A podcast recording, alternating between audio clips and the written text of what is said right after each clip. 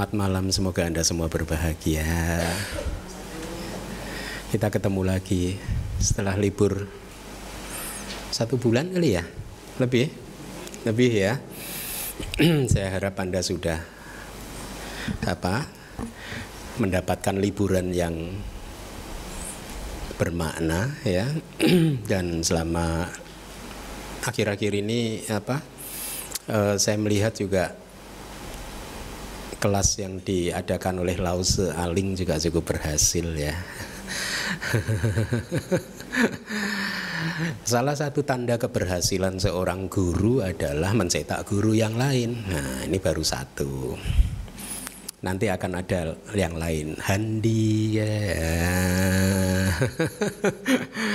akan banyak guru nanti. Pak Pranoto, Yohendi, itu bagus itu. Hmm, Hartono, Pamela, eh, enggak. Baik, uh, kita mulai kelas kita. Tanpa terasa kita sudah uh, masuk di bab keempat, berarti sudah kita lewati tiga semester, ya. Uh, sudah tiga bab kita selesaikan pelajarannya, dan saya uh, berbesar hati dan bersyukur karena meskipun tiga bab sudah kita lalui tetapi saya masih melihat semangat dari Anda cukup tinggi. Yang itu yang membuat uh, saya menjadi semakin optimis bahwa ya mudah-mudahan kita bisa menyelesaikan sembilan bab pelajaran dari Abhidhamma Sanggahaya karena kalau kita bisa selesai sembilan bab dari Abhidhamma Sanggaha dan bukunya semua bisa kita terbitkan, bisa kita luncurkan sembilan buku maka buku tersebut pasti akan menjadi satu sumbangan yang berharga untuk agama. Jadi saya saya harap Anda bisa mem memperpanjang perspektif kita semua bahwa apa yang kita lakukan saat ini tidak hanya membawa manfaat buat masing-masing dari kita, tetapi juga akan membawa manfaat untuk kemajuan agama kita, agama Buddha di Indonesia. Karena Indonesia membutuhkan referensi-referensi atau buku-buku yang mempunyai referensi dari kitab-kitab yang istilahnya yang sah ya, yang benar begitu. Dan kita berusaha semaksimal mungkin untuk untuk untuk menyediakan itu. Nah, tapi kembali lagi seperti yang sudah berkali-kali saya tekankan di kelas-kelas terdahulu bahwa abidama itu bukan hanya satu pelajaran yang eh, jangan memanfaatkan abidama sebagai satu ilmu untuk memuaskan intelektualitas Anda, untuk memuaskan eh, kebanggaan-kebanggaan semu bahwa oh saya paham abidama ilmu yang sulit sudah bisa saya pahami kemudian Anda memanfaatkan ilmu itu untuk berdebat atau bahkan untuk mengkritik orang lain, menyakiti orang lain. Kalau Anda melakukan hal tersebut, maka Anda sendiri akan menderita. Ini seperti yang dikatakan oleh Buddha, tujuan belajar damanya udah salah. Memegang ular berbisa tapi yang dipegang ekornya. Nanti kepalanya akan berbalik menggigit. Dia akan menderita sendiri. Memanfaatkan pengetahuan dhamma untuk berdebat, untuk menyakiti orang lain itu yang seperti yang saya katakan memakai pengetahuan dhamma Anda Anda manfaatkan seperti alat pentungan untuk mentungin temennya hmm kamu salah kamu salah kamu nggak paham abidama saya yang paham abidama bukan bukan itu tujuan abidama tujuan abidama adalah untuk memberikan data yang tepat dan akurat ya guna memahami kehidupan ini secara benar Kenapa kita harus memahami kehidupan ini secara benar? Karena kita ingin keluar dari segala bentuk penderitaan. Kita ingin keluar dari segala bentuk kesulitan, ya. Kita ingin keluar dari samsara. Nah, salah satu caranya adalah atau cara yang paling utama adalah kita harus mempunyai pemahaman yang benar, pemahaman yang tepat tentang kehidupan ini. Ya. Untuk mem untuk bisa keluar dari samsara memang tidak mudah. Faktanya kita sampai hari ini masih berada di sini kan. Itu sudah membuktikan bahwa tidak mudah untuk keluar dari samsara dan sama juga tidak mudah juga untuk memahami abidama. tidak mudah, tetapi bukan berarti abidama tidak bisa dipahami. Memang benar banyak yang mengalami kesulitan ya untuk memahami abidama terlalu rumit. Ya, Anda yang sabar saja memang benar sulit, tetapi bukan berarti tidak bisa dipahami. Bahkan saya bisa memberikan jaminan lebih sulit memahami istri Anda, suami. Benar nggak? Jadi kalau Anda bisa paham istri dan suami Anda, maka Anda pasti bisa paham abidama. Tenang saja. Hmm? Kalau masih sulit juga ingat, kelelawar aja dulu. Nah, Anda kan bukan kelelawar yang bergelantungan di plafon itu. Jadi sabar karena di dalam kehidupan ini ya kita harus pandai untuk membuat satu skala prioritas apa yang perlu kita lakukan dan apa yang tidak perlu kita lakukan. Hanya sekali manusia yang menghabiskan satu kehidupan melakukan hal-hal yang tidak perlu, melakukan hal-hal yang tidak penting, ya. Uh, sehingga akhirnya karena sifat dari pikiran yang tidak disiplin tersebut tidak ini akhirnya satu kehidupan habis hanya untuk menjalani satu pola kehidupan yang tidak penting, tidak bermanfaat, gitu, ya. Nah, oleh karena itu hanya misalkan menyempatkan waktu setiap hari Sabtu selama dua jam dan kemudian mungkin setiap dua hari mengulang satu jam di rumah atau di mana pun begitu, itu akan membantu Anda. Karena mempelajari dhamma adalah hal yang harusnya penting sekali ya kalau di kitab-kitab komentar sering di, di, diberi satu perumpamaan yang saya adopsi ya saya adopsi untuk untuk untuk menggambarkan betapa pentingnya belajar abidama itu untuk me, apa, melihat mendesaknya keperluan kita untuk belajar dhamma supaya kita bisa berlatih meditasi dan merealisasi batin dan jasmani atau merealisasi kehidupan ini dengan benar untuk kemudian bisa keluar dari segala bentuk penderitaan. Itu ibaratnya seseorang yang surbannya udah terbakar. Ya kalau orang India kan dulu pakai surban kan?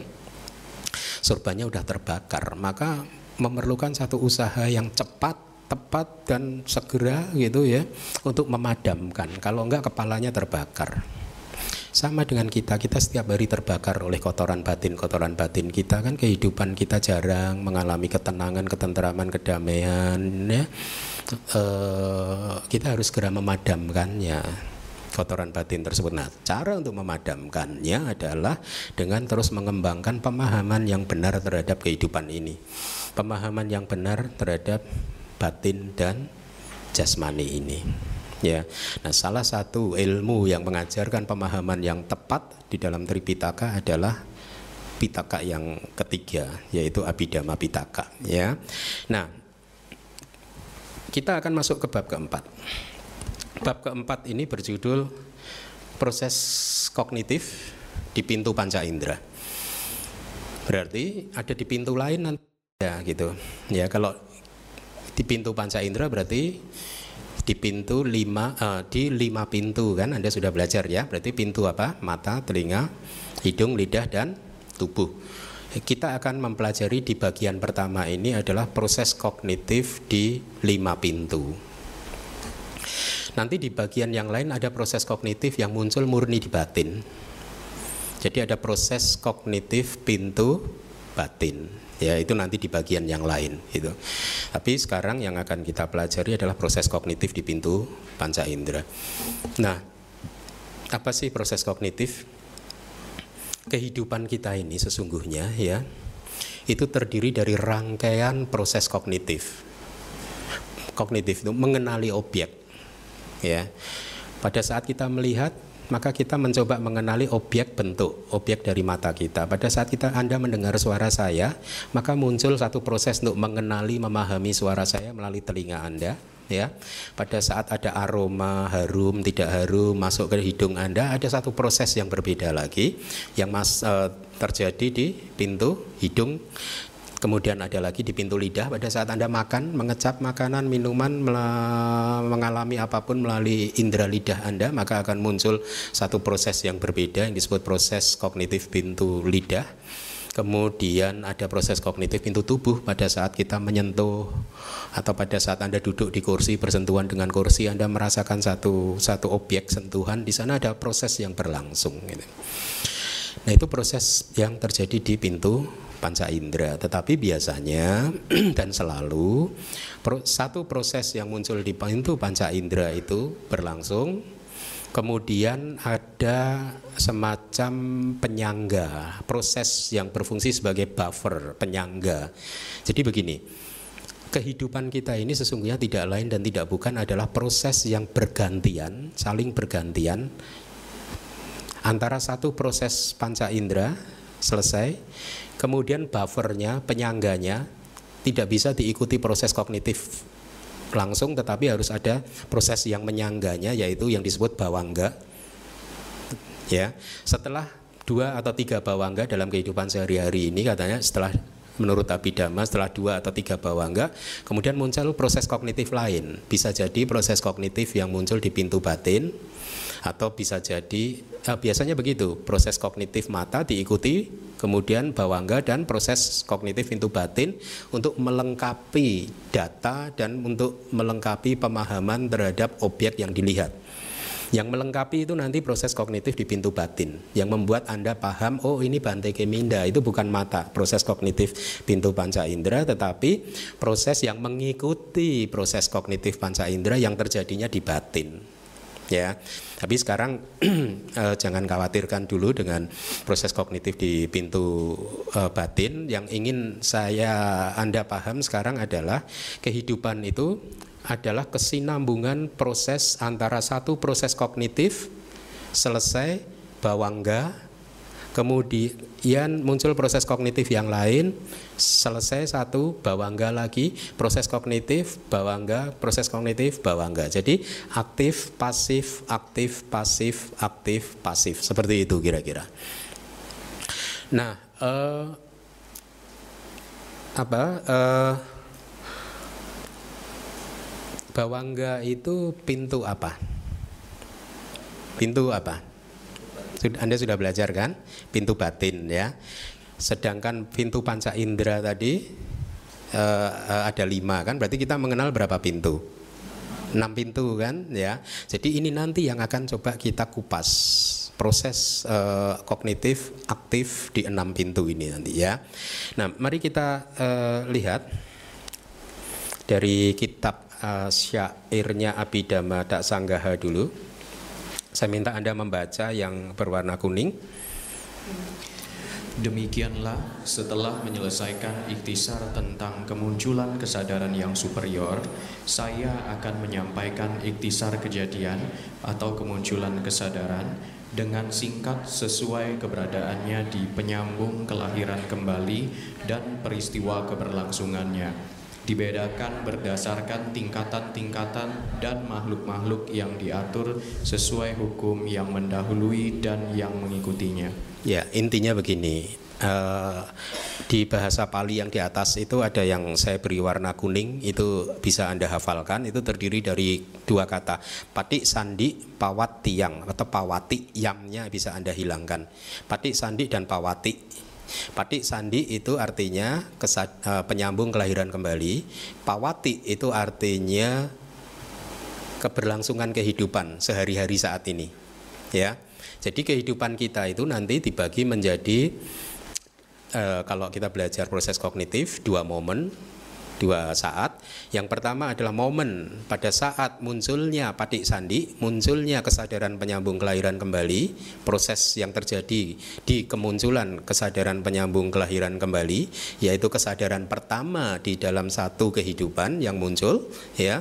Kemudian proses kognitif juga muncul di sepanjang kehidupan seperti yang kita alami sehari-hari saat ini. Ya, itu istilah teknisnya adalah pawati, ya. Atau pawati itu artinya keberlangsungan. Keberlangsungan di kehidupan ini saat ini sehari-hari. Ya, jadi Anda mulai pisahkan dulu. Satu kehidupan terdiri dari dua momen, patik sandi dan pawati ya kemunculan kelahiran kembali dan keberlangsungan di dalam kehidupan uh, sehari-hari. Nah Uh, tadi pagi saya berpikir untuk menambahkan slide ini yang tidak Anda terima yang sudah kita bagikan kemarin karena saya pikir Anda harus tahu istilah teknis yang harus Anda hafalkan ya. Yang pertama cita witi. Itu terdiri dari dua kata cita dan witi ya. Sering diterjemahkan kalau cita kan Anda tahu witi itu artinya secara harfiah, secara literal artinya jalan. Ya, secara harfiah artinya jalan. Sering diterjemahkan cita witi itu menjadi proses pikiran atau saya memilih untuk menerjemahkannya menjadi proses kognitif, proses batin di dalam mengenali objeknya. Bisa melalui mata, telinga, hidung, lidah, kulit tubuh dan juga murni dari batin ya proses kognitif jalan atau witi itu uh, mengandung pengertian bahasa palingnya parampara. Parampara itu uh, satu rangkaian kayak kereta itu satu gerbong satu rangkaian begitu kan. Antara gerbong satu, gerbong dua, gerbong tiga sudah terangkai sedemikian rupa kan. Ya, jadi uh, bersambungan satu dan yang lain uh, dengan sempurna satu setelah yang lainnya. Atau mungkin dengan contoh yang lain, witi jalan atau proses kognitif itu hendaknya dipahami dalam konteks parampara berkesin, bersambungan. Itu seperti saat ini kita ini kan berada di ruko kata ini blok katakanlah blok 17 N17 di sebelah N17 kan ada N16 sebelahnya ada N15 sampai ke ujung ada N1 ya. Jadi witi itu adalah uh, satu proses yang berkesinambungan ya yang hukumnya sudah tertentu artinya kalau dari ujung itu yang prosesnya harus blok N nomor 1, N nomor 2, N nomor 3, N nomor 4, N nomor 5 sampai N nomor 17. Ini prosesnya sudah tetap. Ya, bersambungan secara sempurna ya dan berurutan ya hukumnya seperti itu ya uh, tidak bisa diganti N1 kemudian muncul N3 dulu nggak bisa. Kalau habis N1 ya harus N2 ya.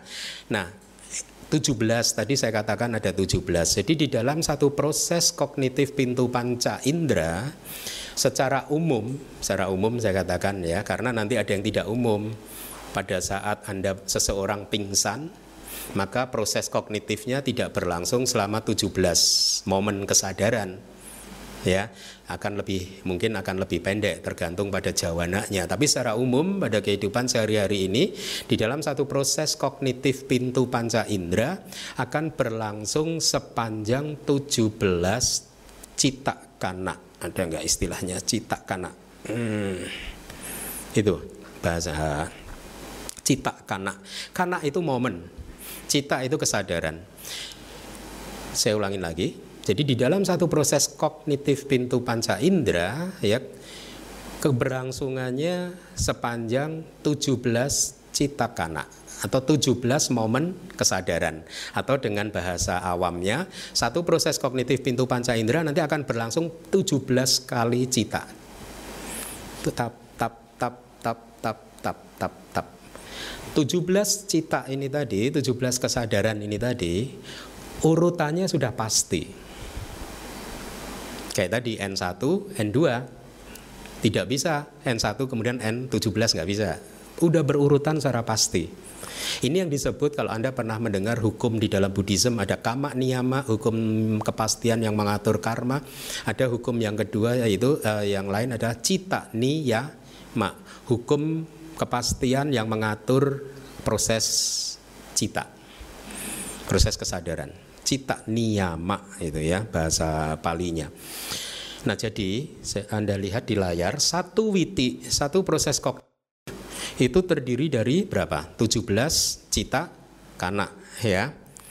Kemudian satu momen kesadaran Anda lihat di layar satu citakana itu tidak bisa disebut sebagai witi.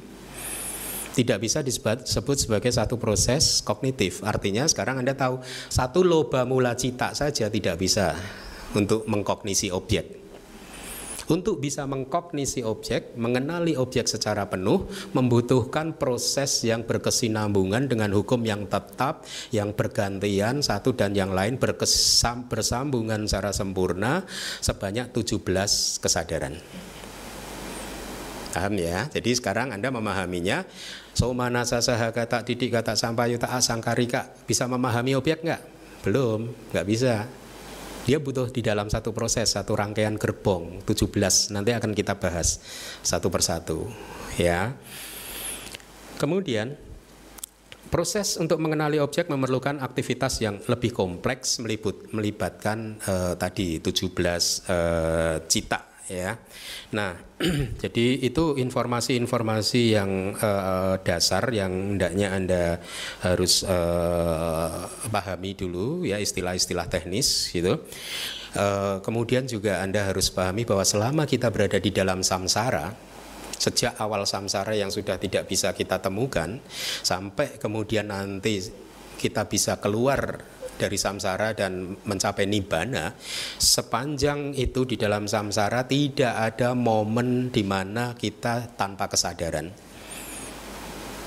Kecuali dua, Anda nanti lahir di alam asanya sata, makhluk tanpa batin. Kalau Anda lahir di sana, ya Anda akan terlahir hanya mempunyai tubuh jasmani. Maka Pak, selama Anda hidup di sana tidak ada proses kognitif. Atau kedua, mungkin uh, pada saat anda menjadi anagami atau arahat dan mem, apa, e, bermeditasi untuk mencapai niroda sama pati yaitu pencapaian kelenyapan. Pada saat itu proses batin akan suspended akan berhenti sementara gitu.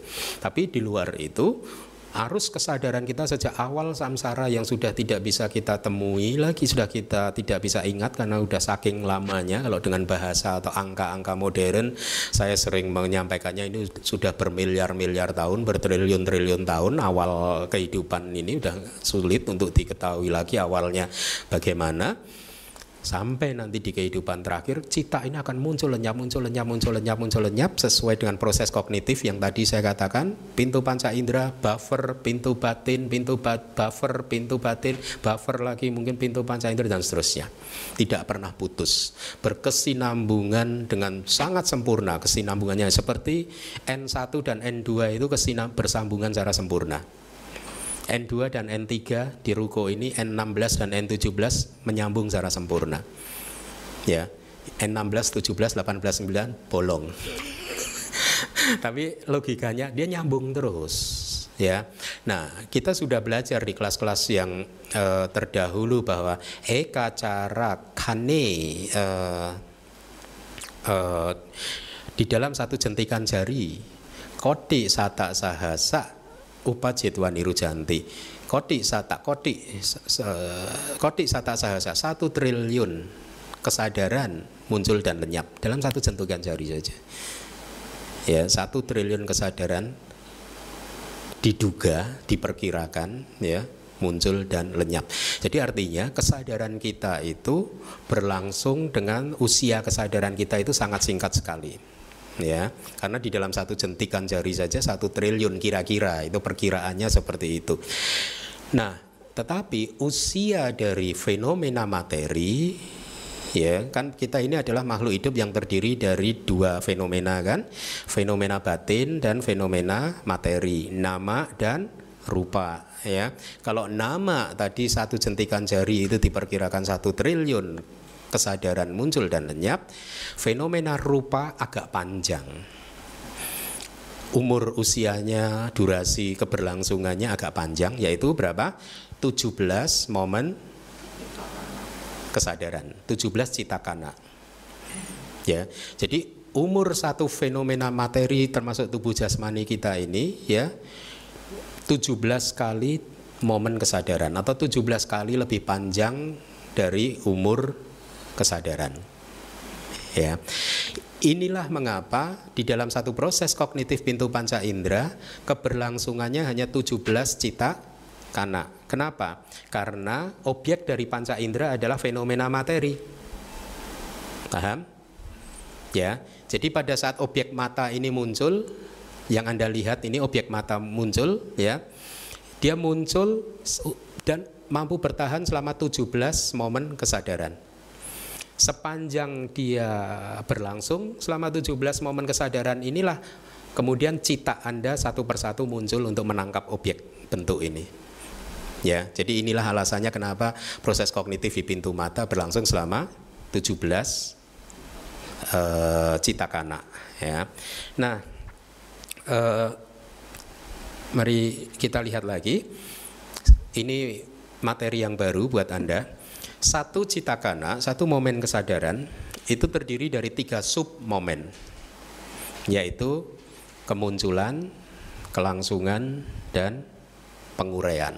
Jadi sekarang Anda bagi lagi nih satu kesadaran ternyata mempunyai tiga sub momen yaitu upada titik bangga kemunculan kelangsungan penguraian tiga sub momen ini seperti halnya dengan kita. Kelahiran proses menjadi tua mati. Jadi cita pun juga mengalami itu. Upada itu adalah kelahiran titik ini adalah penuaan ya. Bangga adalah mati. Ya. Nah sekarang pertanyaan saya kalau satu cita karena satu momen kesadaran terdiri dari tiga sub momen kesadaran satu fenomena materi terdiri dari berapa sub momen kesadaran hmm? Hmm? 51 bagus Kenapa 51?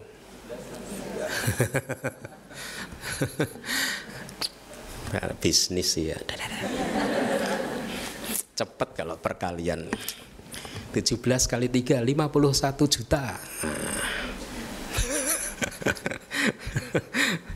51 nya juta. Bagus bagus. Jadi satu durasi fenomena materi itu berlangsung selama 51 momen cita ya.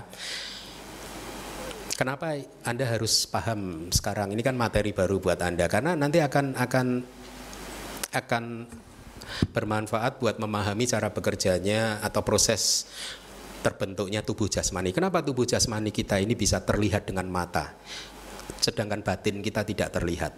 Kenapa? Karena begini, kalau batin kan dia durasinya hanya satu kali aja, sepersekian triliun tadi detik kan, ya dia lenyap. Dan fenomena batin itu dia munculnya satu persatu. Satu batin saja muncul tidak bisa dua tidak bisa tiga.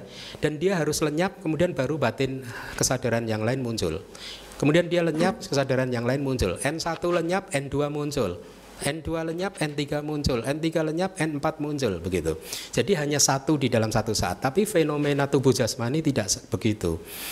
Fenomena tubuh jasmani kita muncul dalam rupa kelapa, dalam kelompok seperti atom atau sel tubuh. Dalam satu kelompok bisa terdiri dari delapan fenomena yang bergabung atau sembilan fenomena yang bergabung atau sepuluh fenomena yang bergabung, tapi dia muncul dalam satu kelompok. Nah dia kan tadi durasinya kan 51 cita kanak kan, momen kes, uh, sub momen kesadaran kan. Yang menarik adalah di dalam setiap sub momen cita materi bisa diproduksi. Gitu. Diproduksi. Upada titik bangga. Setiap momen akan memproduksi materi. Jadi materi akan menggumpal nanti lama-lama gitu. Inilah mengapa sekarang bisa besar seperti ini katakanlah gitu. Ya bisa terlihat dengan mata. Karena di setiap sub momen dia diproduksi baru bisa menumpuk dia. Misalkan ada satu rupa kelapa yang terdiri dari delapan fenomena materi yang berbeda kan satu kelompok rupa kelapa.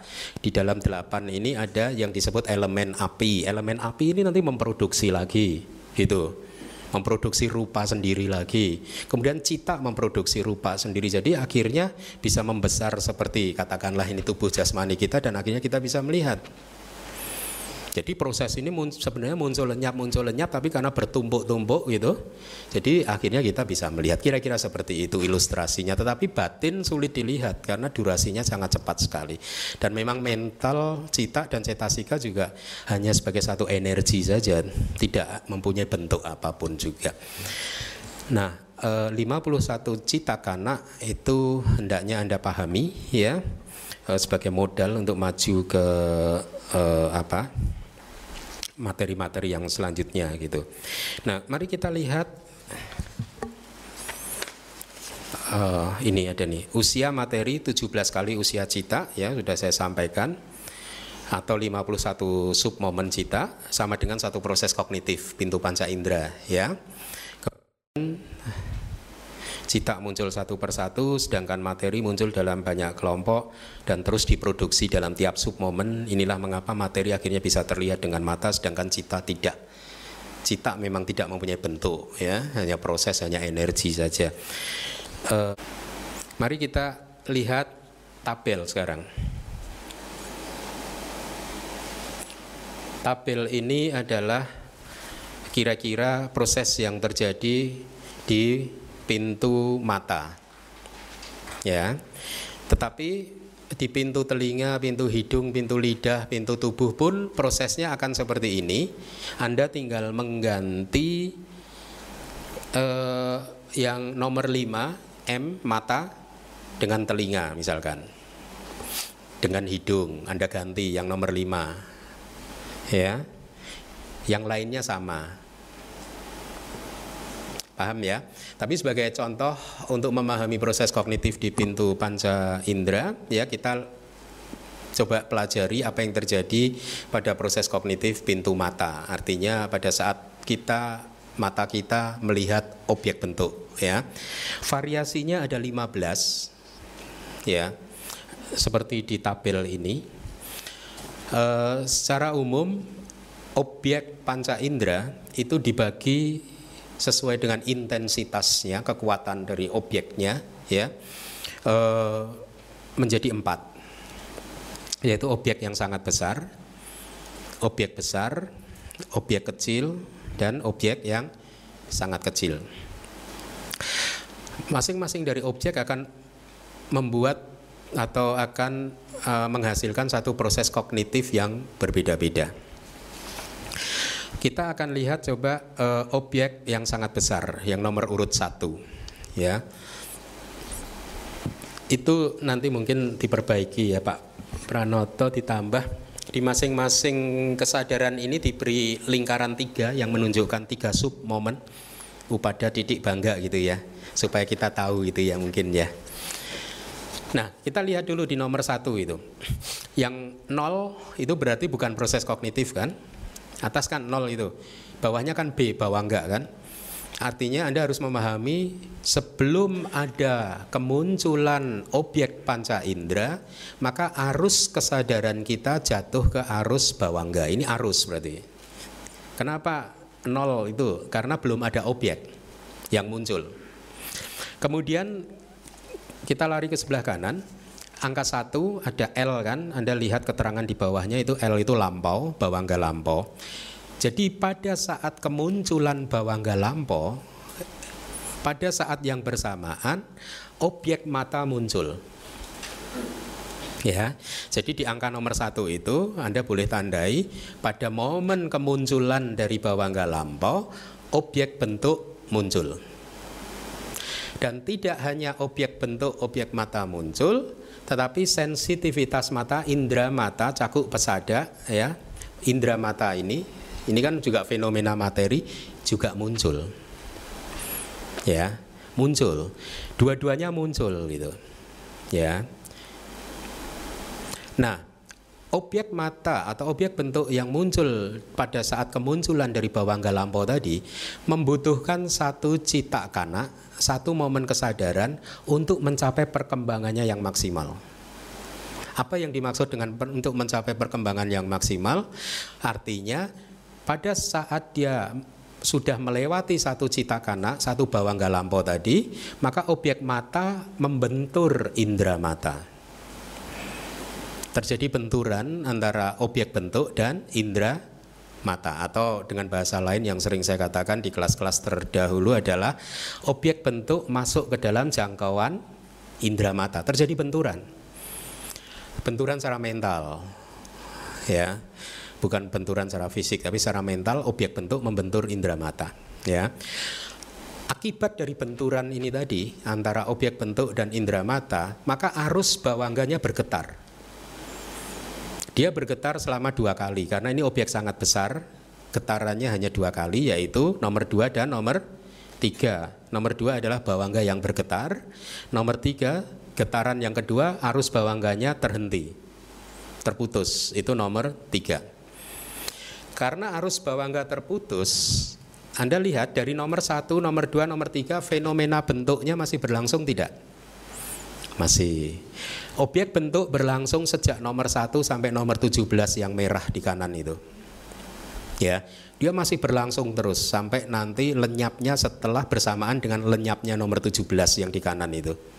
Ya, Anda pahaminya seperti itu ya. Nah, kita sampai di nomor 4. Tadi kan arus bawangganya bergetar dua kali kemudian terputus. Ya. Nomor empat akhirnya proses kognitif yang aktif terjadi. Dimulai dengan awajana, proses uh, kesadaran yang mengarahkan ke pintu mata atau pintu panca indera kan. N1 uh, eh, ini berarti sudah N4. Sudah sampai di N4 nih. Tapi sesungguhnya strictly speaking, proses kognitif aktif baru dimulai di nomor 4. Ya baru dimulai aktifnya pengenalan objek secara aktif di nomor 4 yaitu mengarahkan arus kesadaran diarahkan menuju ke objek bentuk oleh panca duara wajana. Jadi mulai tadinya kan arus kesadarannya belum mengalir ke arah objek bentuk kan sekarang sudah mulai ada perhatian ke objek bentuk. Setelah itu satu momen kesadaran lenyap diganti oleh mata kesadaran mata nomor 5 M melihat objek bentuk tadi. Dia muncul dan lenyap kemudian diganti oleh nomor 6 yaitu T. T itu adalah kesadaran yang terima menerima. Sampati cana kemudian nomor 7 yang menginvestigasi ya. Kemudian nomor 8 adalah N itu menentukan wotapana Kemudian nomor 9 sampai 15 itu jawana, jawana, jawana, jawana, jawana ya, berlari dengan kencang. Jawana itu di momen inilah sebenarnya kesadaran kita menikmati objek secara penuh. Ya. Di momen jawana inilah juga karma diciptakan. Tidak di momen sebelumnya, tidak di momen sesudahnya. Meskipun karma yang mencapai kekuatan penuhnya nanti di proses yang mengikuti panca indera ini di proses pintu batin. Kita belum belajar kan? Tapi untuk saat ini Anda pahami bahwa momen jawana adalah momen di mana karma tercipta. Karena jawana ini sesungguhnya reaksi kita respon kita terhadap objek. Kita mempunyai kekuatan penuh untuk mengendalikan jawana kita mau marah, mau benci, mau melekat, mau mengembangkan cinta kasih tergantung kita. Tergantung yoniso manasikara atau ayuniso manasikara, tidak tergantung objek. Ya, tapi kesadaran sebelum dan sesudahnya tergantung pada objek. Tidak bisa memilih. Jawana kita bisa atur. Ya. Jawana berlangsung selama tujuh kali cita kana Kemudian muncul nomor 16 dan 17 yaitu tadaramana. Tadaramana itu mempertahankan objek ya. Dua kali. Dengan lenyapnya kesadaran H atau nomor 17, maka objek bentuk juga lenyap. Karena objek bentuk lenyap berarti sudah tidak ada objek panca indera lagi, akhirnya arus kesadaran harus terus berlangsung, dia jatuh ke bawangga lagi. Nah biasanya selama dua kali bawangga, tiga kali bawangga akan diikuti oleh proses batin yang menangkap objek bentuk tadi yang sudah lewat, ditangkap, diolah di batin. Seterusnya nanti kita juga akan belajar di bagian-bagian akhir bagaimana kita bereaksi terhadap objek bentuk dan bagaimana akhirnya karma yang mempunyai kekuatan untuk menciptakan kelahiran kembali terbentuk karena reaksi kita terhadap objek bentuk ini tadi yang ada di hati kita, ada yang di batin kita. Nah, jadi proses kognitif pintu panca indera dengan objek besar yang harus Anda pahami adalah bahwa objek bentuk membutuhkan satu cita kana untuk berkembang secara sempurna untuk bisa akhirnya membentur indera mata. Pada saat berbenturan dengan indera mata secara mental, ya akhirnya bawangga bergetar sebanyak dua kali, kemudian terputus. Ya, dan setelah itu nomor 4 sampai nomor 17 prosesnya normal. Anda masih ingat perumpamaan tentang buah mangga? Hmm? Yang Pakun itu? masih ingat ya? Nah, itu itu proses kognitif pintu panca indera seperti itu. Ya, Anda harus hafal ini proses ini. Ya. Nah, mari kita lihat Uh, saya ada di slide-nya sih saya tambahkan untuk mempermudah Anda nanti supaya Anda bisa menghafalkannya ya. Uh, silahkan Anda baca coba supaya Anda hafal dari yang paling atas kuning. Proses kognitif di pintu mata dengan objek sangat besar yang berakhir di fase tadaramana.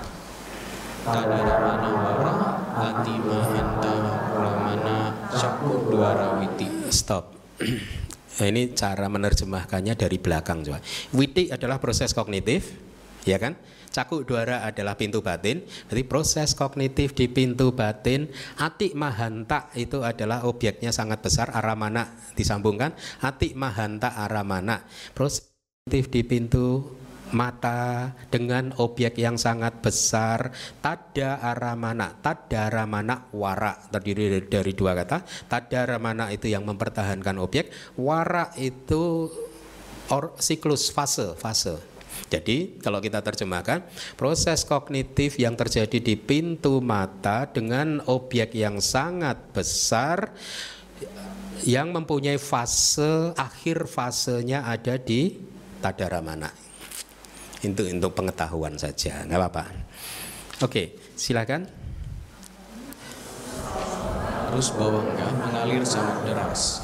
Kemudian sebuah objek bentuk dan indera mata muncul bersama-sama di sub momen kemunculan L dan objek tersebut memerlukan waktu satu momen kesadaran untuk mencapai perkembangannya yang sempurna. Sama kan yang sudah saya jelaskan uh, tadi ya. Uh, saya akan tambahkan sedikit lagi ya. Kita berhenti dulu di situ. Diresapi pelan-pelan ya. Di tabel ini kita kan mempunyai empat objek yang berbeda ya. Saya akan jelaskan di dalam kehidupan sehari-hari, objek sangat besar itu kan proses yang berakhir pada tadaramana kan? Kalau objek besar kan prosesnya berakhir di jawana kan? Di jawana yang ya tidak ada tadaramananya nomor dua dan nomor tiga itu. Bagaimana sih membedakan objek sangat besar, objek besar, objek kecil, objek sangat kecil dalam kehidupan sehari-hari misalkan dengan pintu mata? Katakanlah ini sekarang. Anda Anda gimana? Anda melihat ke arah saya. Ya pada saat Anda tidak begitu perhatian terhadap saya, mungkin gambar saya ini sedikit remang-remang, blur di mata Anda, betul? Ya, tetapi Anda sudah bisa tahu bahwa ini adalah objek yang nyata gitu. Maka pada saat itu itu kemungkinan saya masih berfungsi sebagai objek besar, bukan sangat besar. Kalau sangat besar, itu artinya Anda sudah benar-benar fokus ke arah saya ada tahu ini Bante Keminda dan seterusnya. Fokus benar-benar. Kemudian yang di, selain saya sudah blur, remang-remang. TV ini tidak begitu terlihat. Anda tahu ada benda, tapi Anda tidak tahu itu apa. Anda tahu juga ini ada gambar atau ada pilar, ini ada bunga. Anda tahu ada benda, tapi Anda tidak begitu ini. Tapi karena Anda fokus ke katakanlah wajah saya. Jadi kira-kira wajah saya adalah merupakan objek yang sangat besar pada saat seperti itu buat Anda ya. Sementara yang lain ini bisa jadi objek kecil sangat atau atau hanya objek besar. Ya, tidak tidak impactnya tidak begitu nyata, kalah dibandingkan objek yang Anda fokuskan. Kira-kira begitu ya. E, untuk memahaminya. Nah, tadi saya juga sudah mengatakan bahwa di dalam cita niyama ini, di dalam satu proses kognitif ini ya, untuk mengenali objek bentuk itu tidak ada roh jadi sekarang Anda sudah mulai oh ternyata pada saat saya melihat yang terjadi hanya seperti ini, tidak ada aku yang melihat, tidak ada diri yang melihat, tidak ada roh yang melihat. Ternyata yang melihat adalah proses kognitif pintu ma mata di mana terdapat 17 kali 17 cita yang berbeda muncul lenyap muncul lenyap masing-masing melakukan fungsinya masing-masing. Ada yang mengarahkan ke objek mata ada yang melihat ada yang menerima ada yang menginvestigasi ada yang memutuskan ada yang kemudian merespon melalui jawana ada yang mempertahankan objek tersebut. Baru setelah itu objek mata jadi kita bisa memahaminya. Jadi tidak ada roh yang mengendalikan proses tersebut tidak ada diri aku yang yang solid yang memiliki proses tersebut. Proses melihat tidak lain dan tidak bukan hanyalah proses alamiah yang dilakukan oleh 17 cita yang mempunyai fungsi yang berbeda-beda yang muncul lenyap muncul lenyap sesuai hukum cita ni yama hukum yang mengatur kepastian dari cita bos setelah N1 harus N2 setelah N2 harus N3 tidak bisa dirubah ya nah uh, Silakan dibaca lagi. Tadi sudah sampai di Ya, silakan. Kemudian objek masuk ke dalam jangkauan pintu mata pada submomen kemunculan G. G, G itu adalah getar. Bawangga bergetar. Ya, bawangga bergetar. Kemudian bawangga bergetar, bergetar, bergetar untuk, untuk dua momen kesadaran dan, dan kemudian terputus. Kemudian, kemudian, kemudian A yang mengarahkan ke lima pintu muncul untuk mengarahkan arus cita ke objek tersebut dan lenyap. M kesadaran mata melihat objek tersebut. T, T menerima kesadaran menerima menerima objek tersebut. I kesadaran yang menginvestigasi menginvestigasi objek tersebut. N kesadaran yang memutuskan memutuskan objek ini baik atau buruk. J 7J Jawana menikmati objek tersebut secara penuh. H Tadaramana dua kali mempertahankan objek tersebut selama dua kali. Kira-kira seperti itu ya. E, karena pertimbangan aspek kepentingannya makanya saya tulis supaya Anda bisa semakin paham ya. Kemudian silakan dibaca lagi. Proses kognitif berhenti bersamaan dengan lenyapnya H, kesadaran yang mempertahankan objek. Yang kedua, objek bentuk dan indera mata setelah berproses selama 17 momen kesadaran. Hmm. Jadi pada saat kesadaran tadaramana yang kedua lenyap, maka objek bentuk juga lenyap, indera mata juga lenyap. Paham ya? Karena indera mata juga fenomena materi kan. Kenapa lenyap? Karena mereka semua sudah berproses selama 17 momen kesadaran. Indera mata adalah fenomena materi yang mempunyai usia 17 momen kesadaran. Objek bentuk adalah fenomena materi yang mempunyai usia 17 eh, momen kesadaran juga. Jadi lenyap secara bersama-sama karena sudah tidak ada objek lagi, arus kesadaran akhirnya jatuh lagi ke bahwa enggak gitu. Nah pertanyaan saya, kalau tadi yang mengarahkan kesadaran yang mengarahkan ke pintu panca indera namanya apa? Palinya panca dwara wajana. Kemudian kesadaran mata tahu Anda kan? Kesadaran yang menerima tahu ya kira-kira itu salah satu dari itu. Kesadaran yang menginvestigasi tergantung objek. Nanti ada rumusnya begini. Uh, kualitas objek ada berapa? Masih ingat? Ada tiga ya. Apa saja? Kira-kira boleh saya jawab pertanyaan saya ini? Boleh nggak? Daripada nunggu Anda lama, saya jawab sendiri ya. Izinkan saya menjawab pertanyaan saya sendiri ya. Oke. ada tiga, yaitu objek yang menyenangkan, ita, ITTHA, ya, Objek yang sangat menyenangkan ati ita, objek yang tidak menyenangkan an ita anita. Ya.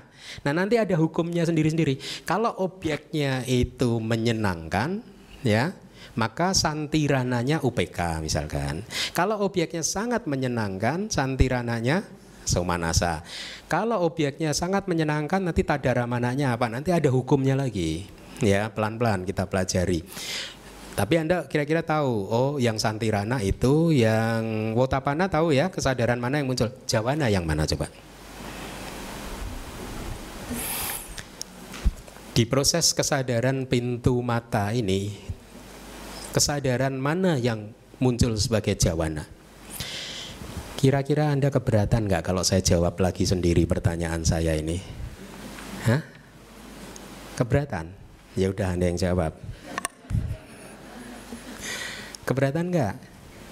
Nggak ya? Keberatan? Ada berapa jawana? Cita. 55 dibagi berapa kelompok? Dua. Apa saja? Kama jawana dan apena jawana. Ada berapa kama jawana? 29. Ada berapa apena jawana? 26. Di proses kognitif pintu mata ini kama jawana atau apena jawana? Berarti salah satu dari 29 jawana lingkup indriawi yang muncul. Bukan yang 26. 29 itu dari mana saja? Hah? 12 aku salah. Hah? Has itu pada cita. Oke. Okay. 8 maha kusala dan telah wih pinter ya. Waduh saya kalah ini. Anda pinter loh. Congratulations. Anda lulus semua. Baik, berarti salah satu dari 29 kama jawana, 12 aku salah cita, hasitu pada, maha kusala, maha kiriya muncul sebagai jawana untuk merespon objek bentuk tadi. Gitu ya. Karena ini objek uh, proses kognitif di pintu panca indera berarti jawananya harus yang 29 kama jawana salah satu kalau yang muncul itu adalah loba mula cita yang pertama, maka tujuh jawana juga loba mula cita yang pertama terus. Tidak bisa berubah. Ini loba mula cita, satu momen langsung ganti mahakusala, nggak bisa. Selesaikan tujuh dulu, baru kemudian eh, tadaramana dan seterusnya. Oke, okay, bagus. Nah, sekarang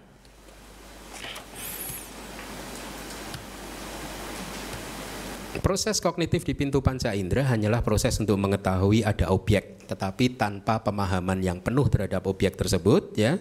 Dia hanya mengetahui secara kasar bahwa objek tersebut baik atau objek itu tidak baik, secara kasar saja. Detil dari objeknya tidak paham. Ya, warnanya, bentuknya, namanya nggak paham. Yang memahami nanti proses yang mengikutinya, yaitu proses kognitif di pintu batin. Sekarang kita akan lihat di tabel ini proses kognitif nomor dua, ya. Nomor dua dan nomor tiga ini objeknya besar, berbeda, ya. Jadi pengertiannya sama. Anda lihat aja di tabel. Saya akan guide Anda pelan-pelan. Lihat tabel. Nomor 0 itu berarti pada awalnya yang ada hanyalah arus bawangga karena tidak ada objek bentuk yang muncul kan. Jadi arus kesadaran kita jatuh dalam arus bawangga ya. Kemudian tiba-tiba nomor satu itu katakanlah objek mata muncul ya. Objek mata muncul bersamaan dengan sub momen kemunculan dari kesadaran bawangga lampau yang pertama itu yang satu itu muncul bersamaan. Sama dengan yang tadi indera mata juga muncul. Ya. Tetapi berbeda dengan uh, proses yang pertama proses yang kedua ini membutuhkan dua momen kesadaran buat objek bentuk untuk mencapai kesempurnaannya secara maksimal untuk untuk mencapai perkembangannya yang maksimal. Kalau yang tadi berapa? Cita kana satu kan? Satu L saja kan? Sekarang dua L. Ya. Artinya objek besar memerlukan dua momen kesadaran untuk mencapai perkembangannya yang maksimal. Apa maksud dari perkembangan yang maksimal? Artinya perkembangan maksimal mempunyai kemampuan untuk membentur indera mata. Jadi dengan lenyapnya kesadaran bahwa enggak lampau yang nomor dua, maka objek bentuk berbenturan dengan indera mata efek dari benturan itu menggetarkan bawangga efeknya ya sehingga akhirnya bawangga bergetar selama dua kali yaitu bawangga bergetar dan nomor empat bawangga yang terputus ya. Dengan lenyapnya bawangga yang terputus, arus bawangga putus. Kemudian mulailah proses kognitif pintu eh, panca indera yang aktif, pintu mata yang aktif. Dimulai dengan sama A itu adalah panca dwara wajana cita yang mengarahkan ke pintu panca indera. Kemudian enam adalah kesadaran mata, tujuh adalah kesadaran yang menerima atau jana, delapan adalah kesadaran yang menginvestigasi, sembilan adalah kesadaran yang memutuskan. Kemudian Anda lihat sepuluh berlari cepat jawana untuk menikmati objek secara penuh, sepuluh, sebelas, dua belas, tiga belas, empat belas, lima belas, enam belas, ya. Sudah 16 momen. Ya, padahal objek bentuk hanya berlangsung 17, berarti kurang satu momen lagi. Karena hanya tersisa satu momen saja, tadaramana tidak bisa muncul.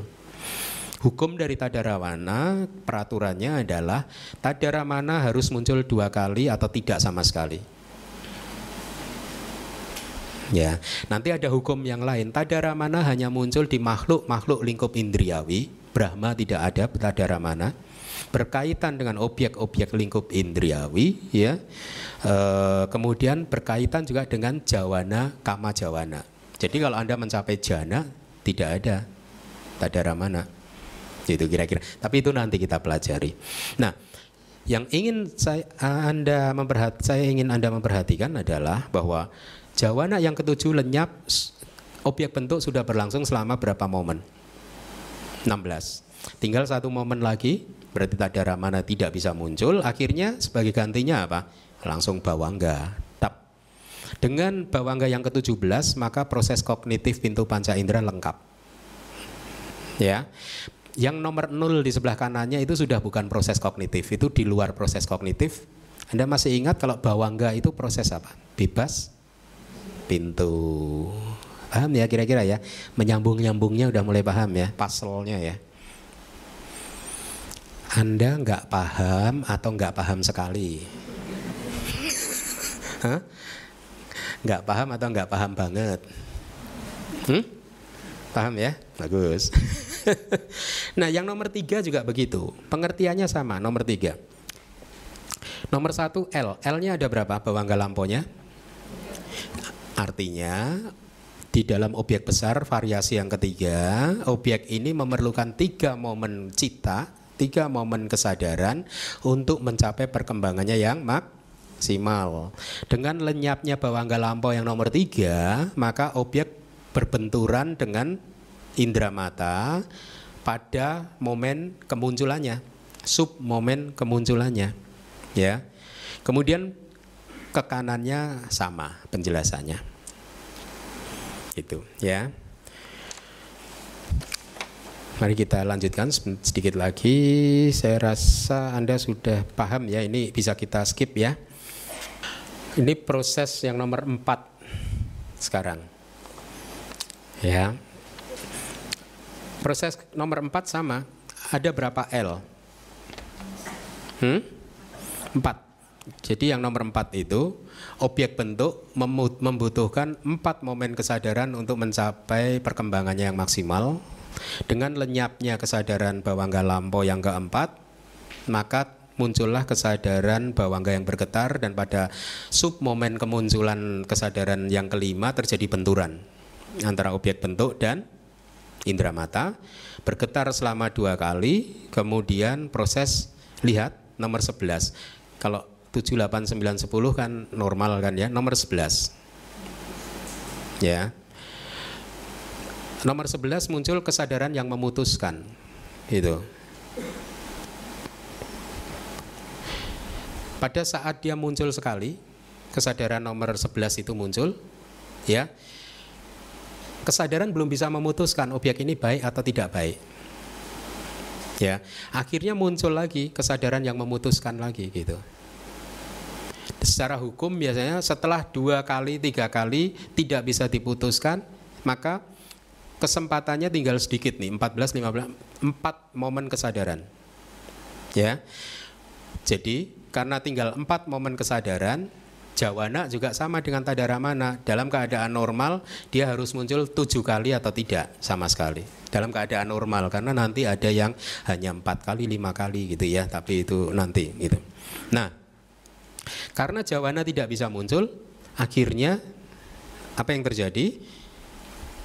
Objek bentuk masih berlangsung, akhirnya yang mengambil objek bentuk tersebut adalah bawangga. Sebenarnya bawangga tidak mengambil objek tadi karena bawangga mempunyai objeknya sendiri kan. Apa objeknya bawangga? Kama. Nah? Mama, mama. Boleh nggak saya jawab lagi? Boleh ya? Enak loh ngajar di sini itu. Mendapat kesempatan untuk menjawab pertanyaan saya sendiri terus. Kama, kama nimita dan gati nimita. Objeknya bawangga itu selalu itu, tidak bisa baru. Objeknya dari kehidupan lampau ya. Jadi nomor 14, 15, 16, 17 itu bawangga itu dia tidak mengambil objek bentuk dia mengambil objek dari kehidupan lampau. Jadi ini dalam kehidupan sehari-hari artinya apa? Seperti yang tadi saya katakan, Anda melihat ke arah saya, fokus ke wajah saya.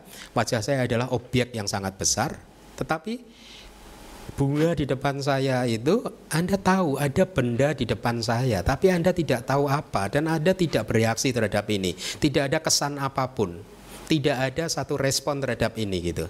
Ya, ini mungkin ini adalah objek yang kecil ini atau nanti sangat kecil gitu. Kira-kira begitu ya.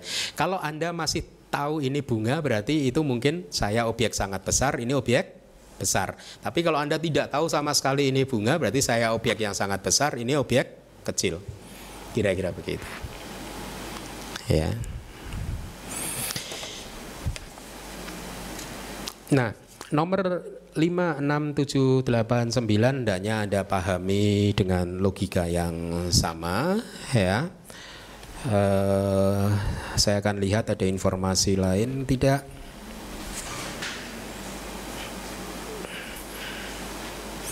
Oh, kita selesaikan ya sedikit lagi ya. Kita selesaikan. Fase yang sia-sia, artinya proses kognitif tidak terjadi proses kognitif. Ya, kalau tadi kan terjadi proses kognitif, ya. Kalau ini tidak. Jadi yang objek sangat kecil ini nomor 10, 11 sampai nomor 15 itu tidak terjadi proses kognitif sama sekali. Secara teknis disebut fase yang sia-sia. Moga warak bahasa palinya. Terdiri dari dua kata. Moga itu useless, sia-sia. Kalau di kitab kitab Tripitaka itu kalau ada biku yang Buddha menyebutnya kalau ada biku yang sudah nggak mau belajar, nggak mau meditasi, dia disebut moga. biku yang moga, useless. Japakun, japakun. Bocokang.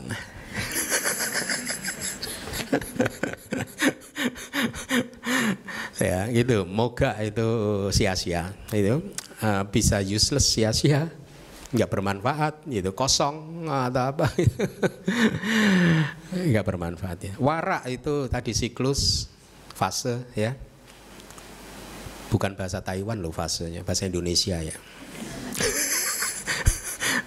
Kalau fase ya.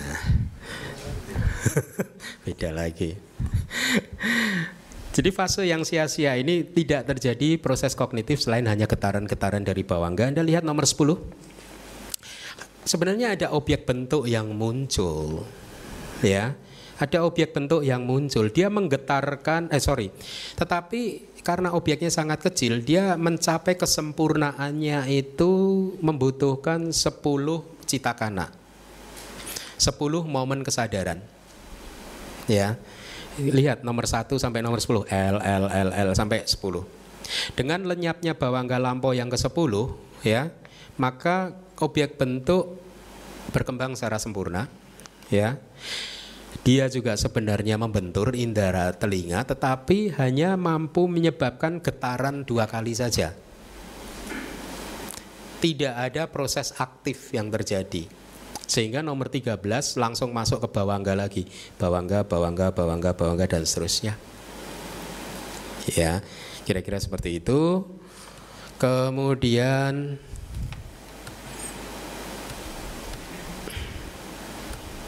Ini juga bisa di skip. Saya ingin Anda hafalkan ini.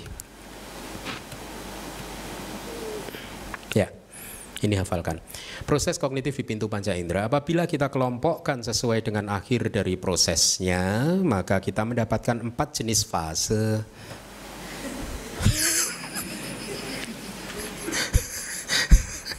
Yang pertama adalah fase ada geli sendiri saya.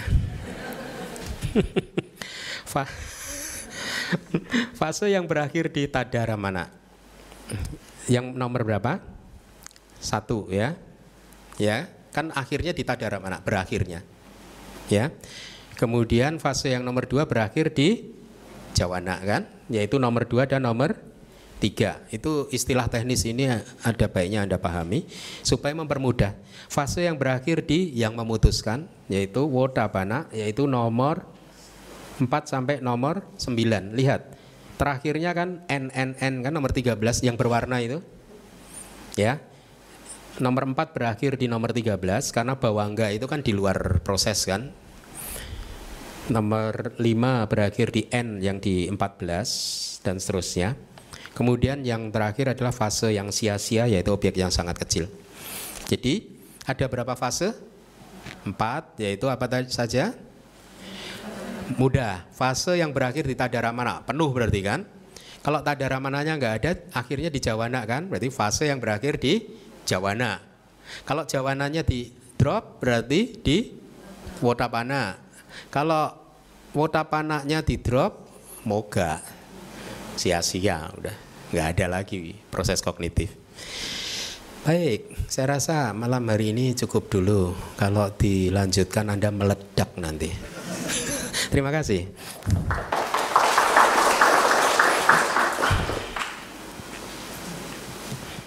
Selamat malam Asin. Ada dua pertanyaan. Tadi kan Asin menjelaskan objek yang sangat besar. Kalau yang saya tangkap berarti objek yang sangat besar itu kalau kita fokus melihat sesuatu. Jadi bukan berarti objeknya yang blur, tapi apakah kitanya yang fokus gitu. Fokus melihat apa itu yang disebut objek besar, bukan objeknya itu blur atau enggak gitu ya Asin ya. Terus eh, objek yang sangat kecil itu eh, eh, seperti apa? Apakah maksudnya objeknya di samping-samping gitu kita enggak gitu terlihat atau seperti apa penjelasannya? Terima kasih. Ya bagus, memang saya udah reserve pertanyaan ini udah saya duga sebelumnya akan disampaikan. E, karena memang harus ditanyakan.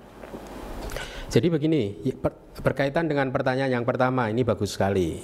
Pertanyaan yang pertama ini begini, intensitas objek menjadi disebut objek yang sangat besar, besar, kecil atau sangat kecil ini sebenarnya tergantung dari objeknya atau tergantung dari fokus kita. Kan gitu kan? Tadi baru saya sampaikan itu tergantung dari fokus itu contohnya. Tetapi sesungguhnya dua sisi juga. Begini. Objek itu secara alamiah ya, dia mempunyai intensitas juga objek besar, sangat besar, besar, kecil dan sangat kecil. Secara alamiah dia mempunyai ininya sendiri gitu, ya. Tetapi pada saat objek ini membentur uh, indera-indera kita, maka apakah misalkan objek yang membentur saya ini sebenarnya objek sangat besar, ya, mudah dilihat. Jadi misalkan sekarang ada tiga orang berdiri di samping kanan kiri saya, dua orang melihat ke TV. Objek itu sebenarnya objek sangat besar nih, ya layar TV ini. Dua orang di kanan kiri saya melihat ini sebagai objek sangat besar. Karena secara alamiah dia memang objek sangat besar, nyata kan, jelas kan.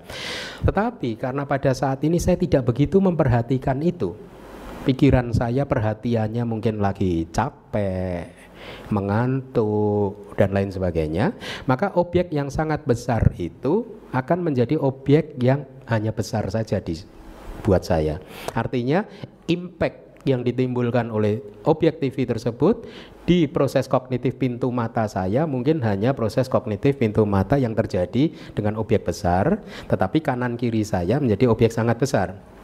Berbeda karena saya kurang fokus karena mengantuk Jadi dua, dua, dua sisi sih Bu.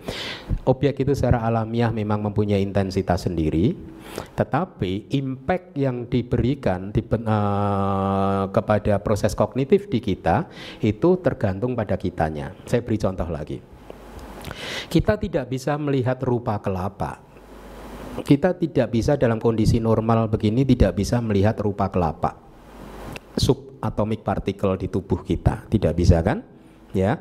Tetapi kalau Anda mencapai sama samadhi ya, right concentration, Anda kemudian bisa melihat. Padahal rupa kelapa by nature dia objek yang kecil. Gitu, sulit untuk dilihat. Tetapi pada saat kita mencapai sama samadhi, rupa kelapa menjadi jelas terlihat, menjadi objek yang sangat jelas. Karena dia pintu batin, maka dia akan menjadi objek yang terang.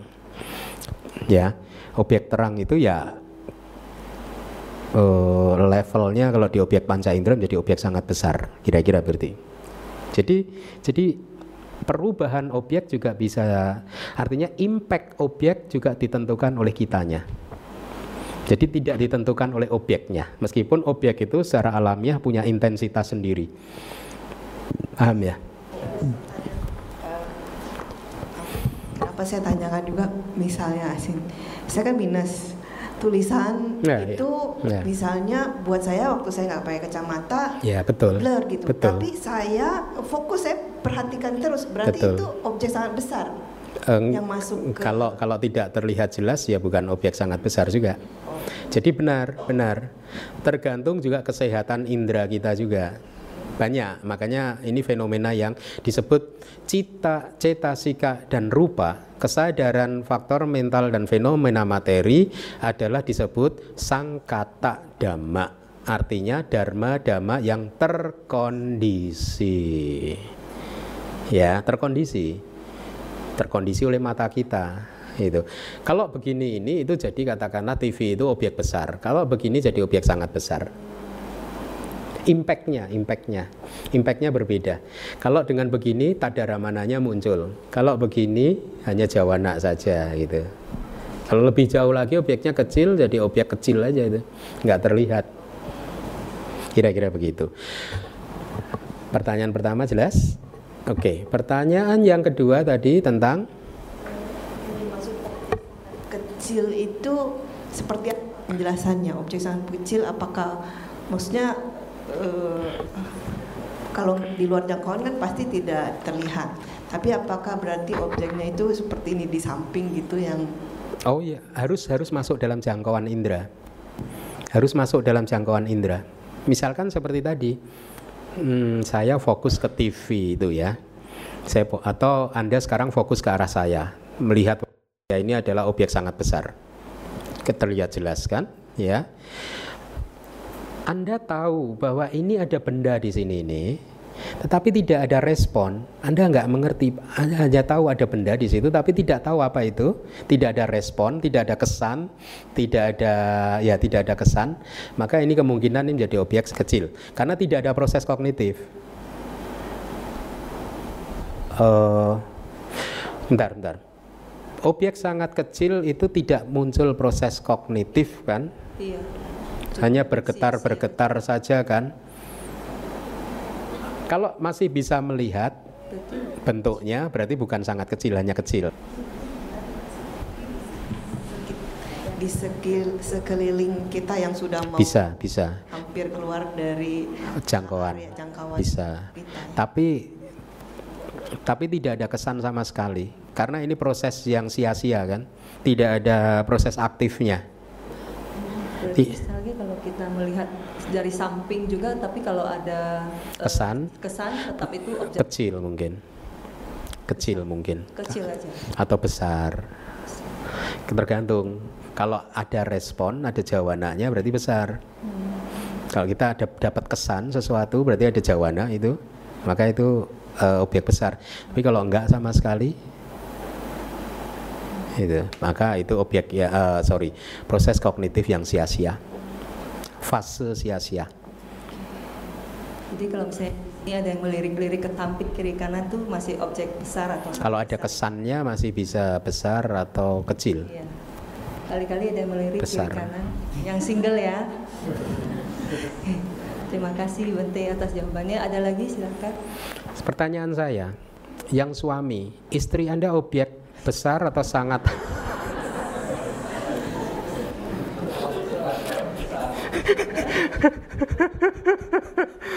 Dan yang istri, suami Anda ini objek sangat besar, besar, kecil, sangat kecil. Ayo istri jawab. Most of the time sangat kecil, Bante. Nggak terlihat.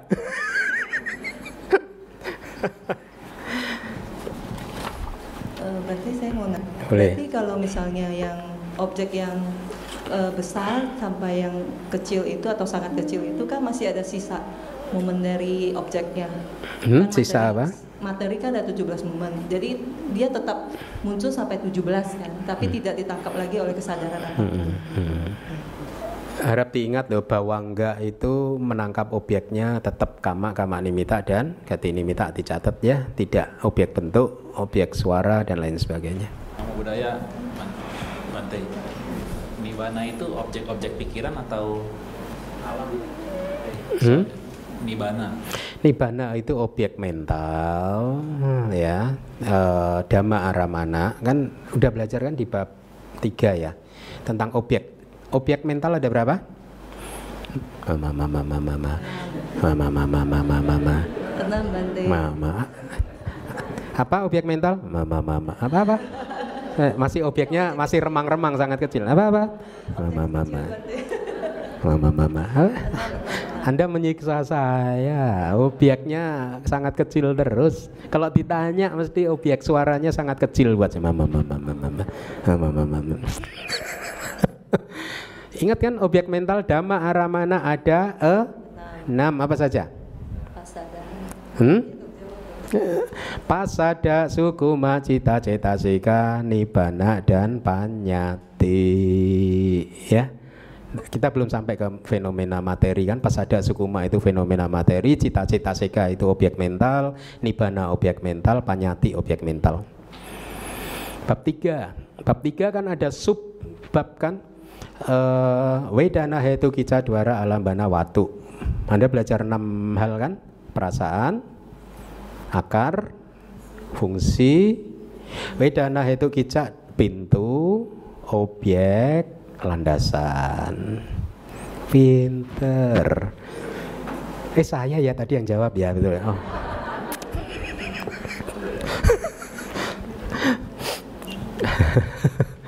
Mau tanya silakan. Masih ada waktunya banyak. Selamat malam Bante. Mau tanya untuk eh, karma baru itu eh, muncul pada objek eh, seluruh objek tersebut atau hanya objek besar dan objek sangat besar saja Bante? Kama. Iya. Karma. Karma baru. Iya. Terima kasih Bante. Kita belum belajar ya, tapi informasi awal saya berikan begini. Untuk tambahan informasi. Kan tadi dikatakan proses kognitif pintu panca indera tidak bisa mengenali secara sempurna, ya. Tetapi tetap ada jawana. Kan jawana tercipta, eh, karma tercipta di momen jawana kan, ya. Nah, tetapi karma yang tercipta di proses kognitif pintu panca indera itu sangat lemah, sangat lemah, ya, sehingga efeknya pun akan sangat lemah sekali. Ya, kalaupun berbuah efeknya sangat lemah. Ya, tidak signifikan. Ya, tapi karma juga. Setelah satu proses kognitif pintu mata lenyap, akan diikuti minimal empat proses kognitif pintu batin. Supaya mm, pengenalan terhadap objek matanya menjadi sempurna. Ya, tapi Anda memahaminya begini, proses kognitif pintu mata berhenti, lenyap, bawangga dulu. Satu proses pintu batin, lenyap, bawangga lagi. Satu proses pintu batin, lenyap, bawangga lagi sampai empat kali. Ya, bisa empat, bisa lima. Ya, yang pertama itu adalah eh, menangkap objek tadi mata tadi masa lalu tadi di pintu batin ya ditangkap. Ya, kemudian eh, mulai dilihat eh, misalkan warnanya dan lain sebagainya. Kemudian satu proses lenyap, kemudian muncul proses kognitif pintu batin lagi. Itu ada karma tadi eh, di proses kognitif pintu batin yang pertama juga karma tercipta, tapi juga masih lemah. Nanti proses kognitif pintu batin yang kedua, berarti ketiga ya. Itu juga ada karma tadi aji jawana lagi, tapi masih lemah. Baru di proses kognitif pintu batin yang keempat itu karma mencapai puncaknya sehingga karma ini mempunyai kekuatan untuk memunculkan kelahiran kembali. Karma-karma sebelumnya tidak mempunyai kekuatan untuk memunculkan kelahiran kembali.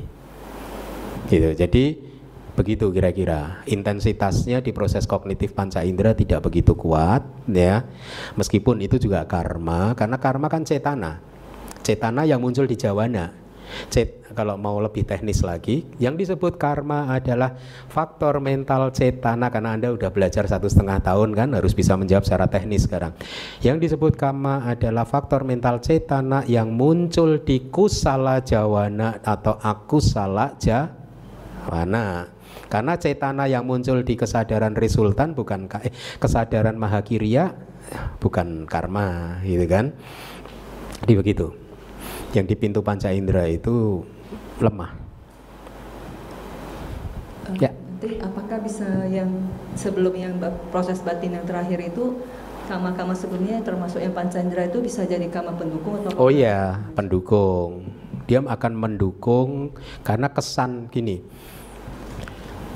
Di dalam satu proses kognitif sesuai hukum cita tadi cita niyama ya katakanlah kesadaran yang mengarahkan ke objek muncul dia kan mengarahkan ke objek ya kemudian lenyap. Kemudian muncul kesadaran mata kan melihat objek tersebut. Ada kesan-kesan kan yang ditangkap oleh kesadaran mata kan? Pada saat kesadaran mata lenyap kesan itu disampaikan juga terbawa di kesadaran yang menerima mengkondisikan juga ya kesadaran menerima menerima objek bentuk ada kesan lagi kan di situ kan? Pada saat kesadaran menerima itu lenyap, kesan tadi tidak ini apa tidak hilang begitu saja tapi tertrans apa tersalurkan ke kesadaran yang menginvestigasi dan seterusnya sampai ke jawana ya karma kan tercipta karma. Karma yang tercipta di jawana di kesadaran pintu mata tadi akhirnya juga tersalurkan ke proses kognitif pintu batin dan seterusnya. Jadi akan mendukung mendukung mendukung mendukung. Makanya Nanti di di di bab ketujuh kita akan belajar bagaimana pengondisian yang terjadi pada saat fenomena mental menerima pengulangan-pengulangan. Makin kuat itu ya mak makin sering diulang makin sering kuat. Makin kuat. Jadi karma yang ada di kesadaran pintu panca indera akan mendukung karma yang ada di pintu batin Makanya yang mencapai kekuatan penuh yang pintu batin yang keempat karena udah didukung terus. Nah, dia yang mencapai kekuatan penuh inilah karma yang tercipta di pintu batin yang keempat inilah yang mempunyai kekuatan untuk apa tadi? Memunculkan kelahiran kembali. Oke. Okay nanti agak bingung. Jadi kan ada kama produktif, kama yang berfungsi sebagai kama produktif, penghalang, penghancur dan pendukung kan? Pendukung. Mm-hmm. Jadi yang itu dia bisa jadi disebut sebagai kama pendukung. Pendukung, pendukung. Nggak bisa karma penghalang. Oh. Tidak bisa. Terima kasih. Mendukung terus dia, memperkuat. Eh Grace. Ya. Agak agak bingung sih. Uh, dua pertanyaan. Satu saya bingung uh, satu detik itu kan uh, kalau nggak salah Bante bilang uh, miliaran kesadaran. Maksudnya cita, cita cita kananya ya? Uh, karena itu momen. Jadi momennya lebih banyak lagi dong berarti daripada cita. Kalau one second one, one snap gitu kan? Uh, kan katanya banyak. Apa berarti miliaran proses kognitif? miliaran cita. Miliaran cita. Bukan miliaran proses kognitif. Berarti kira-kira gini, hitungannya gini. Kalau dalam satu jentikan jari satu triliun cita muncul dan lenyap, berarti di dalam satu jentikan jari kira-kira kasarnya ada berapa proses kognitif? Berarti ya satu triliun dibagi 17 kira-kira misalkan gitu. Oh, okay. Kan satu proses kognitif terdiri dari 17 cita kan. Jadi uh, tapi tentu saja angka itu uh, jangan dianggap ini angka pasti ini mungkin ekspresi Buddha di masa 2600 tahun yang lalu beliau menggunakan Buddha eh, kalimatnya juga menggunakan begini. Eka cara kane koti sata sahasa sangka upacitwani rujanti. Di dalam satu jentikan jari disangka, diduga ada satu triliun kesadaran muncul dan lenyap. Jadi itu hanya ekspresi saja sih. Tapi memang sangat cepat sekali, sangat cepat sekali. E, ibaratnya ini, karena saking cepatnya kita sering tertipu kan menganggap ada bentuk yang solid, bahwa tubuh ini solid, bahwa batin kita ini solid, ada aku, diri, roh atau apa pun kita menyebab uh, menyebutnya yang tidak berubah, yang terus mengendalikan proses. Contohnya ini lampu ini. Lampu Anda di atas Anda. Kalau kita melihat seperti ini kan seolah-olah ini lampu yang solid kan. Padahal tolong saya dibenarkan kalau saya salah. Setahu saya ini lampu ini terdiri dari pijaran yang berpijar sangat cepat sekali. Benar nggak sih? Saking cepatnya sehingga kita tidak menangkap perubahannya. Jadi kelihatannya cahayanya solid. Sama tubuh jasmani dan batin ini sebenarnya berpijar sangat cepat sekali sehingga kita menangkapnya secara keliru sebagai satu wujud yang solid padahal cepat sekali.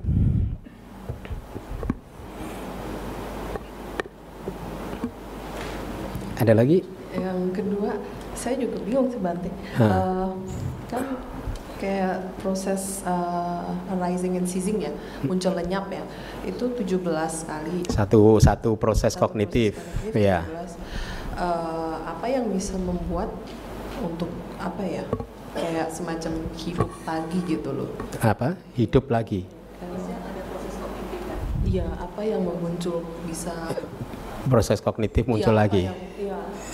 Kenapa bisa intinya cease lagi gitu loh. Sis lagi. Kenapa bisa made Muncul. jadi ya Muncul satu rangkaian proses kognitif yang baru. iya iya Karena ada objek baru. Karena objek baru lagi muncul. Jadi misalkan ini saat ini misalkan eh, begini, saya jelaskan lagi. Saya jelaskan lagi. Tadi kan saya mengatakan, Anda melihat ke wajah saya, ini adalah objek yang sangat besar, memang selalu sangat besar. Yang lainnya kan objeknya katakanlah besar saja atau kecil, ya. Tapi Anda harus memahaminya ini terjadi pada momen yang berbeda loh. Bukan momen yang bersamaan loh, ya. Objek sangat besar dan objek besar itu momennya berbeda. Sa- eh, timingnya berbeda, ya. Tapi karena dia terjadi sangat kecepatannya sangat tinggi, jadi seolah-olah kita melihatnya pada saat yang bersamaan kan? Antara wajah saya dan bunga ini gitu ya. Padahal itu berbeda terus ya. Kira-kira seperti itu. Sama dengan saat ini Anda melihat ke arah saya dan Anda mendengarkan suara saya seolah-olah terjadi pada satu momen satu proses kognitif yang sama kan? Padahal enggak. Yang terjadi adalah proses kognitif pintu mata selesai bawah enggak. Proses kognitif pintu telinga bawah enggak. Proses kognitif mungkin pintu mata lagi terus begitu. Kira-kira. Meskipun nanti ada proses batinnya ya Nah, jadi eh, tadi yang Anda tanyakan adalah kenapa ada proses kognitif berikutnya? Karena ada objek yang berbenturan dengan panca indera lagi. Hmm? dari kita berarti kayak when we die gitu kan itu kan uh, prosesnya berhenti sebentar itu kayak sem- semacam apa ya uh, baterainya habis gitu loh nah um, apa ya? Nanti coba saya review.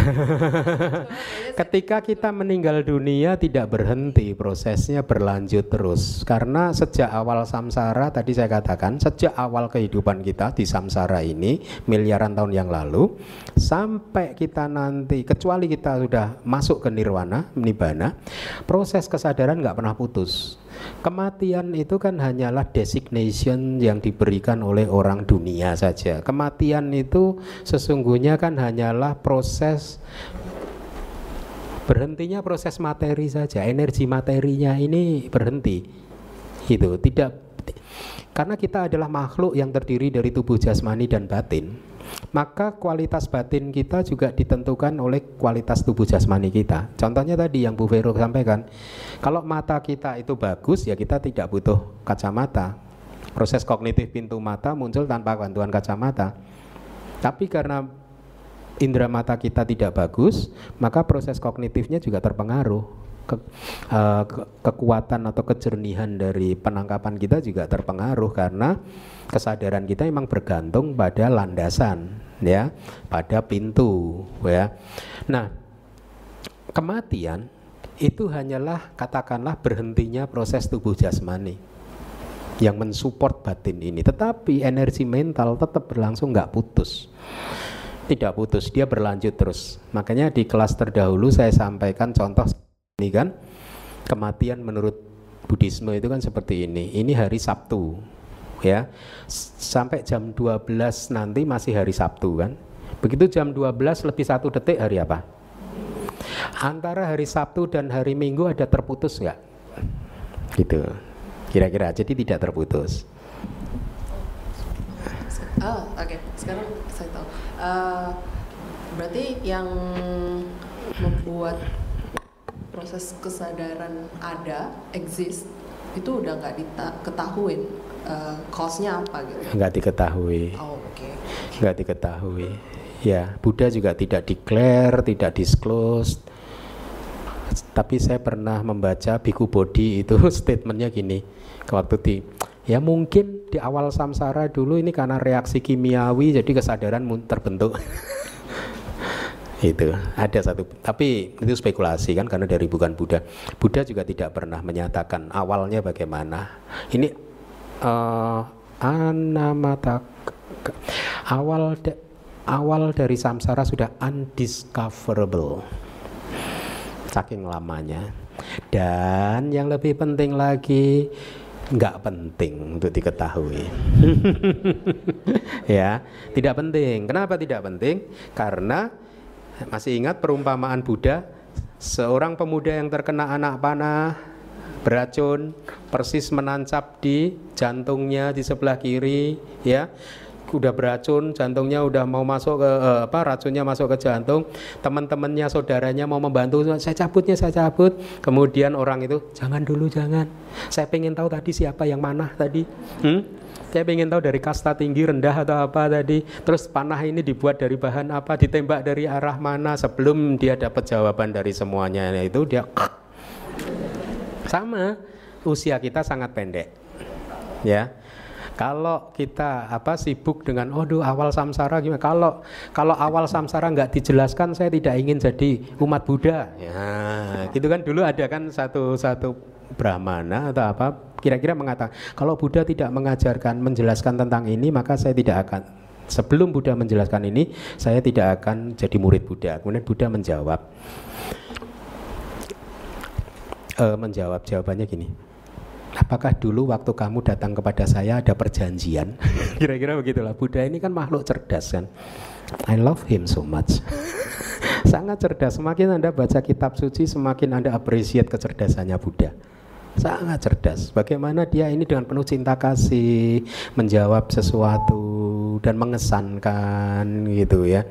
Kemudian eh, apakah dulu saya juga pernah berjanji bahwa saya akan menjelaskan ini ini ini itu gitu jadi kira-kira begitu nah singkat cerita tadi anak panah tadi ya mengetahui awal samsara itu tidak penting ya mengetahui misalkan apa yang lain lagi tidak penting yang penting apa pemahaman yang tepat tentang batin dan jasmani yang saat ini ada inilah ini akan cukup memberikan informasi kepada kita tentang ciri karakteristik dari nama dan rupa dan cukup memberikan kesempatan kepada kita untuk keluar dari segala bentuk penderitaan dengan memahami yang sekarang ini saja gitu.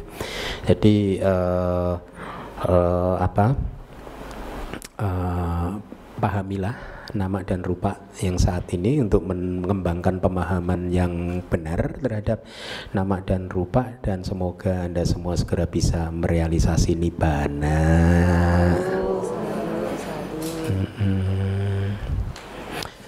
Bante kok abidama itu sulit ya Bante.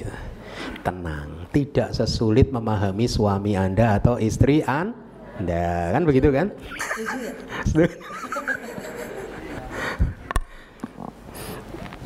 malam Bante Tadi Bante menjelaskan tentang jawana yang dapat uh, menghasilkan cetana kama ya, Bante. Jawana. Jadi setiap jawana ke satu dapat menghasilkan kama untuk Enggak, jawana. Cetana yang muncul di kan uh, cita itu muncul dengan cetasika. Iya. Cetana ini kan uh, muncul di semua cita kan? Iya. Cetana inilah iya. yang kama. Cetana yang ada di jawana itulah karma. Iya, Mas tadi yang tadi Bante jelaskan yang jawaban pertama ke satu itu dapat menghasilkan di kehidupan yang sekarang. Mm-hmm. Nah, terus yang kedua berbuahnya di kehidupan sekarang, nah, sorry. Yang kedua berbuahnya di kehidupan yang akan datang dan ketiga seterusnya kehidupan yang ketiga dan seterusnya. Itu apakah setiap jawana itu uh, maksud saya itu cetana yang cetasika yang ditimbulkan itu memproduksinya se mas, di kehidupan sekarang nah, setiap kali mas, berbuahnya yang berbuah di kehidupan sekarang nanti berbuah lagi di kehidupan yang kedua. Yang jawana satu. Mungkin maksudnya gitu oh. Bante kan ada tujuh iya, jawana, iya, ada tujuh jawana dalam proses kondisi. Ya, tiap tiap momen jawana itu hmm. pasti menghasilkan kama enggak gitu. Bante? Jawana itu sendiri cetana yang ada di jawana itu kama, bukan jawana menghasilkan kama. Cetana yang di jawana itulah karma. Berarti di momen yang jawana yang pertama itu akan menghasilkan uh, kama di kehidupan yang... saat ini. Uh -uh. Kalau di kehidupan saat ini tidak berbuah, maka dia menjadi ahosi. Hmm. Semua jawana pertama akan menjadi ahosi. Ahosi itu kedaluarso. Iya. Kedaluarso expired. Pada saat dia terlahir di kehidupan berikutnya, semua jawana pertama expired. Ahosi itu sebenarnya auris. Auris itu apa sih? Kata hoti, hoti itu to be. Uh, apa? Dari masa lampau. Ada di masa lalu tapi sekarang udah nggak ada. Kira-kira begitu, ahosi. Karma yang hanya ada di masa lalu tapi sekarang udah nggak ada. Jadi begini, karma yang dari jawana yang pertama harus berbuah di kehidupan yang sama dengan karma itu tercipta. Kalau di kehidupan itu tidak mendapat kesempatan untuk berbuah dan kemudian dia meninggal dunia dan lahir di kehidupan kedua kan katakanlah istilahnya begitu maka di kelahi, sejak kelahirannya yang kedua ini semua karma di jawana pertama itu ahosi expired tidak bisa berbuah lagi Nah nanti kalau dia lahir meninggal di kehidupan kedua, lahir di kehidupan ketiga kan? Selama di kehidupan kedua ini kalau jawana ketujuhnya ini tidak berbuah, begitu lahir di kehidupan yang ketiga maka jawana ketujuh ahosi, expired, nggak nggak bisa. Hanya ada di masa lalu, sekarang sudah nggak ada. Jadi kalau misalnya di proses kognisi itu ada tujuh jawana kan berarti misalnya yang muncul adalah mahakusala gitu. Jadi kan mahakusala um, di masih satu itu itu masing-masing akan memunculkan kamaya sendiri. Gitu. Mahakusala satu, berarti satu satu satu satu uh. terma, bukan satu dua tiga empat nggak nggak bisa. Iya. Oh jadi dalam maksudnya uh, cetasika yang muncul di Iya, cetana yang ada di kesadaran. Nah, iya, kesadaran itu sama semua ya, Pak. Sama. Itu ya. Namanya dari jenis yang sama tapi sesungguhnya wujudnya berbeda. Paham? Jadi jawana 1 sampai jawana 7 Katakanlah jawana 1 itu adalah mahakusala yang pertama Somanasa sahagata nyana sampayuta sangkarika Maka jawana yang kedua, ketiga sampai ketujuh juga Somanasa Jagata, Nyana Sampayuta, Asangkarika. Tetapi ini adalah fenomena yang berbeda. Jenisnya aja sama. Namanya sama. Cuma kemunculannya aja yang berbeda-beda ya Bante ya. hmm. ya. Buah, buahnya ya. Ya, makasih Bante. Hmm. Sama-sama. Timbunannya baik sekali ya Bante berarti. Hmm? Timbunannya baik sekali. Hmm, banyak. Jadi saya mau menanyakan mengenai Siapa namanya? Edi. Teddy. Edi, ya mengenai objek kecil. Uh, bawangga yang di 14, 15, 16 dan 17 itu apakah sama? Beda. Setiap setiap momen adalah kesadaran yang berbeda.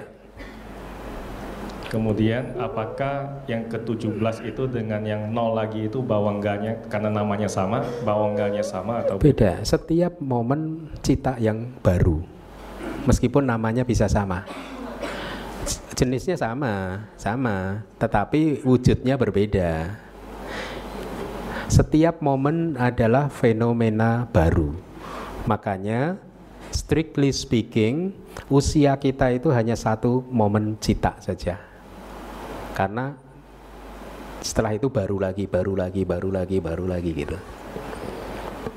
Oke, kalaupun berbeda yang agak saya kurang mengerti itu namanya kebetulan sama ya. Dari Iya. 17 itu kembali ke nol juga bawangga. Tadi 17 Ke nol Oh iya, iya, iya, Nah, iya. Bawangga yang ini beda semua. Oh, beda semua. Setiap momen beda baru terus. Anda namanya siapa? Edi. Edi. Iya, Edi ya. iya. Di Taman Palem ada Edi 17 itu. Edi, Edi, Edi, Edi, Edi, Edi, Edi, Edi. Edi yang sama dengan Anda atau beda? Hah? Sama atau beda? Beda. Beda. Kenapa? Kok namanya Edi juga? Berarti sama atau beda? Eh, beda. Ya beda. Ya. Ta- Tapi namanya sa Namanya sama. sama bawangga tadi. Fungsinya beda ya. Sama kalau bawangga fungsinya sama. Edi, Edi yang di Taman Palem, Edi, Edi, Edi, Edi ada 16, Edi yang di sini satu kan, 17 kan.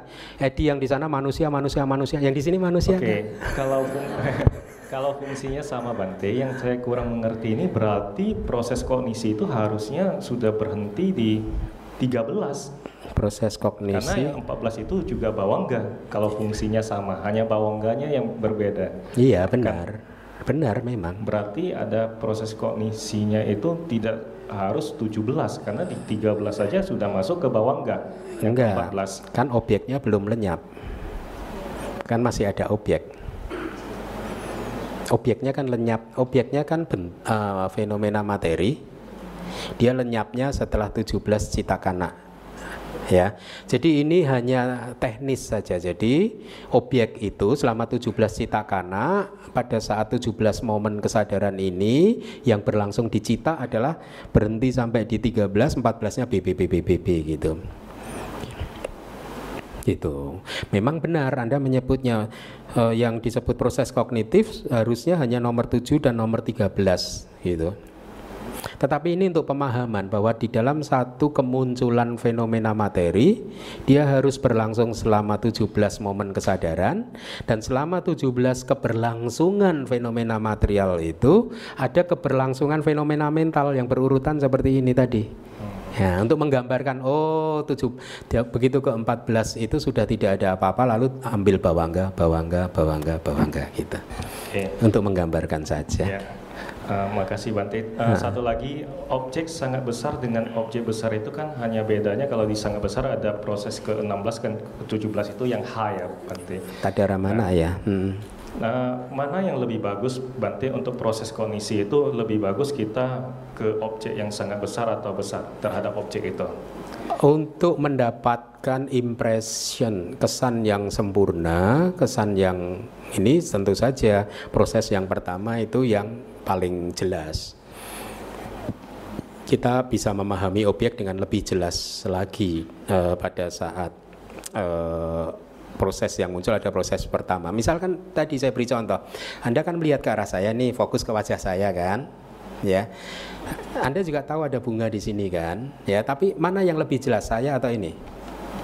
Yang Awas kalau besar. bilang yang bunga.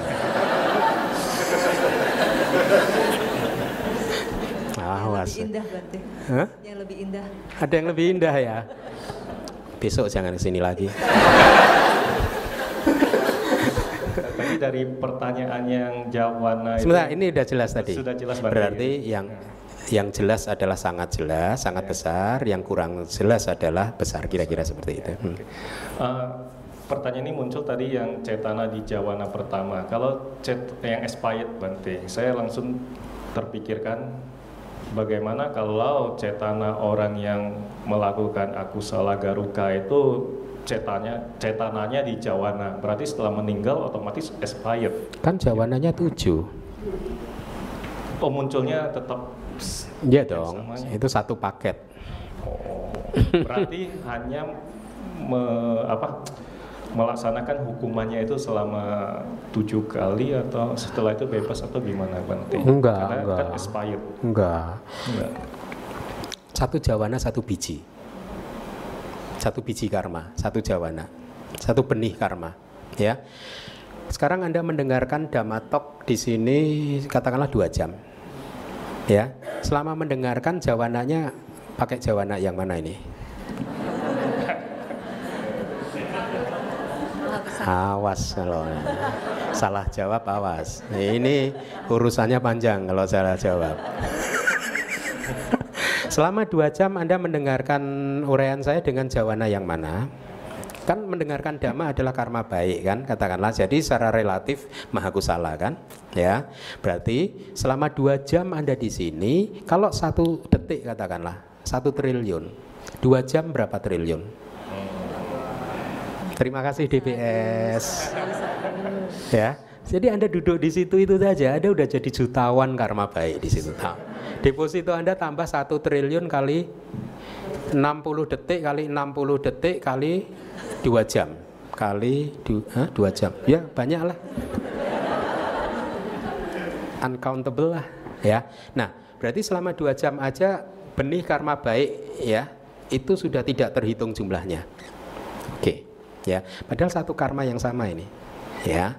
Dan hanya mendengarkan dhamma satu karma yang sama identitasnya sama.